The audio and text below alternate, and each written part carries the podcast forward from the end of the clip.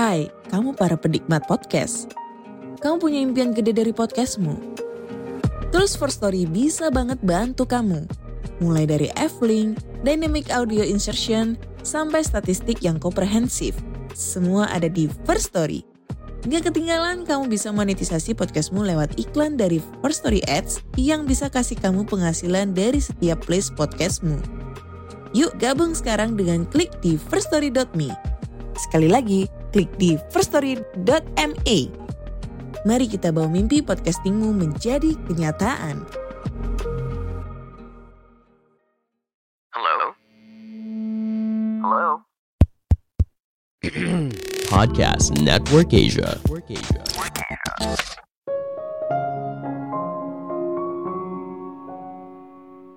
Waktu adalah aset paling berharga di dunia. Walaupun banyak orang yang merasa mereka hanya punya sedikit, padahal ternyata banyak. Halo semuanya, nama saya Michael. Selamat datang di podcast saya, Sikutu Buku. Kali ini saya akan bahas buku Time and How to Spend It karya James Wallman. Sebelum kita mulai, buat kalian yang mau support podcast ini agar terus berkarya, caranya gampang banget.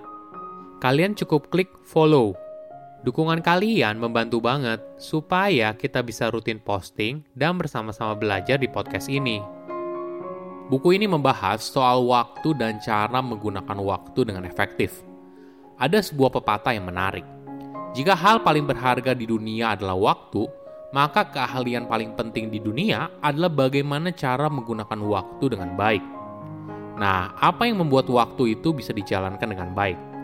Seringkali kita merasa tidak punya waktu. Kita merasa terlalu sibuk, tidak bisa mengerjakan apa-apa. Bahkan tidak punya waktu untuk diri sendiri. Apakah benar?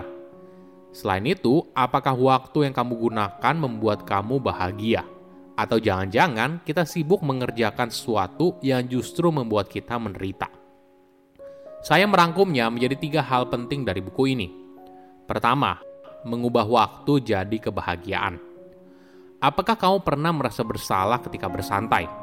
Mungkin kita dibesarkan dengan pemikiran kalau menjadi sibuk itu baik. Kalau kita tidak sibuk, artinya kita sedang membuang-buang waktu. Alhasil, waktu senggang kita semakin sedikit. Studi menemukan kalau rata-rata orang Amerika memiliki waktu luang sebanyak 5 jam 14 menit setiap harinya. Tapi sayangnya, 4 dari 5 orang Amerika merasa tidak punya waktu untuk mengerjakan apa yang mereka inginkan. Mungkin alasannya karena di era sekarang kita terlalu sibuk dengan smartphone. Secara rata-rata kita menghabiskan 3 jam setengah dengan smartphone, mulai dari soal kerjaan hingga buka sosial media ketika sedang bosan. Penulis percaya waktu yang kita habiskan untuk bersantai itu penting bagi kesehatan fisik dan juga mental. Hidup seharusnya bukan hanya soal produktivitas. Kamu bukan hanya roda dalam sebuah mesin kapitalis, hidupmu lebih daripada itu. Jika kamu tidak meluangkan waktu untuk bersantai, kamu mungkin saja malah curi-curi waktu. Misalnya, ketika kamu lagi ambil break ke kamar mandi, lalu kamu sambil scroll media sosial, tanpa disangka kamu ada di sana selama 15 menit. Padahal harusnya cuma 5 menit. Di sisi lain, kamu mungkin merasa burnout dan lelah karena merasa terlalu sibuk dan tidak punya waktu untuk mengerjakan hal yang buat kamu bahagia. Apakah sukses bikin bahagia? Ternyata yang terjadi sebaliknya. Kamu bahagia dulu, baru bisa sukses. Nah, apa yang membuat kita bahagia? Ternyata berasal dari pengalaman. Dalam hidup, kita selalu punya pilihan, entah melakukan hal A atau melakukan hal B. Apa pun yang kita pilih tentunya bisa membawa kita kepada arah yang kita inginkan. Contohnya gini, menggosok gigi kan sebuah aktivitas. Nah, tapi menggosok gigi jarang sekali menjadi sorotan utama dalam hidup seorang.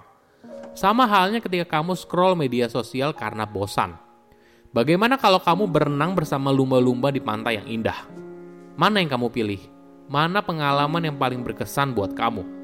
Kemungkinan besar kamu akan memilih berenang bersama lumba-lumba kan? Kecil kemungkinan kalau kamu merasa kalau kamu sedang membuang-buang waktu. Tips lain yang menarik adalah carilah aktivitas yang punya dampak bagi hidupmu dan juga orang lain. Kembali ke contoh tadi berenang dengan lumba-lumba.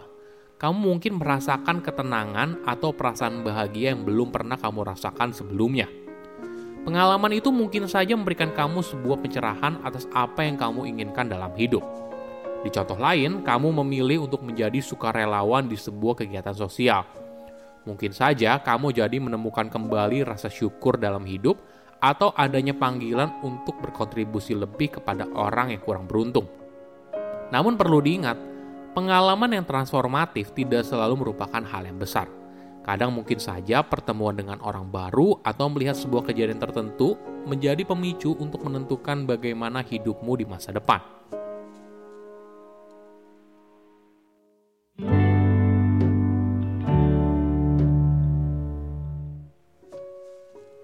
Kedua, pengalaman bikin hidup bahagia.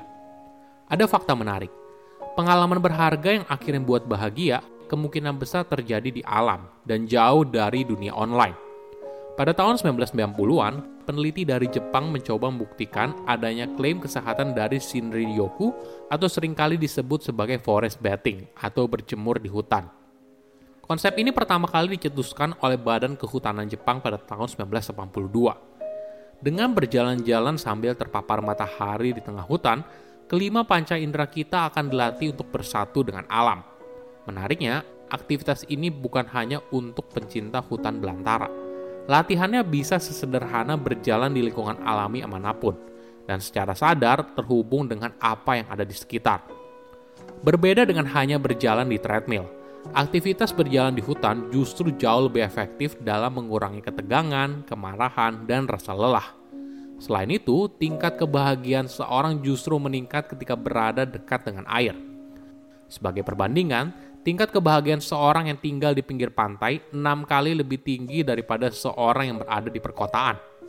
Mungkin saja hal ini ada hubungannya dengan proses evolusi di masa lalu, di mana air merupakan sumber kehidupan. Ketika kita mendengar, mencium, dan melihat adanya air, maka kita cenderung lebih bahagia. Jangan lupa juga buat pengalaman dengan orang yang kamu cintai.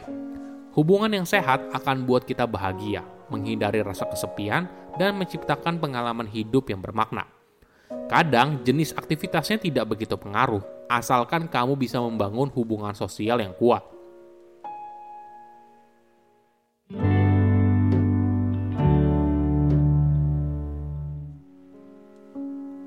Ketiga, flow bisa bikin hidup bahagia. Apakah kamu pernah dengar kata flow? sebuah kondisi di mana kamu begitu fokus hingga lupa waktu. Banyak penelitian menemukan ketika kita berada di momen flow itu merupakan salah satu momen paling bahagia. Aktivitas itu biasanya merupakan gabungan antara aktivitas yang cukup menantang, tapi di sisi lain kamu punya kapabilitas untuk mengerjakannya. Coba lihat lagi aktivitas yang kamu kerjakan mungkin perlu dipahami aktivitas seperti main video game, nonton maraton film, dan scrolling media sosial tidak termasuk dalam zona flow. Kenapa? Walaupun aktivitas ini sering kali buat kamu lupa waktu, tapi biasanya tidak memberikan kenikmatan yang transformatif. Sederhananya gini, kita harus bedakan antara real flow dan fake flow. Perbedaan utamanya adalah kamu butuh usaha untuk mendapatkan kenikmatan di akhir Bayangkan seperti sebuah kisah seorang tokoh utama. Ada tantangan yang besar, lalu kamu berusaha keras untuk menghadapinya. Hingga di akhir cerita, tokoh utama berhasil keluar jadi pemenang. Pengalaman yang sulit bukan hanya penting bagi perkembangan pribadi, tapi kadang bisa jadi momen paling bahagia dan menyenangkan. Saya undur diri, jangan lupa follow podcast Sikutu Buku. Bye-bye.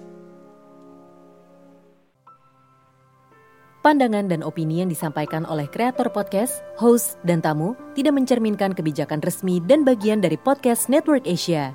Setiap konten yang disampaikan mereka di dalam podcast adalah opini mereka sendiri dan tidak bermaksud untuk merugikan agama, grup etnik, perkumpulan, organisasi, perusahaan, perorangan, atau siapa pun dan apa pun.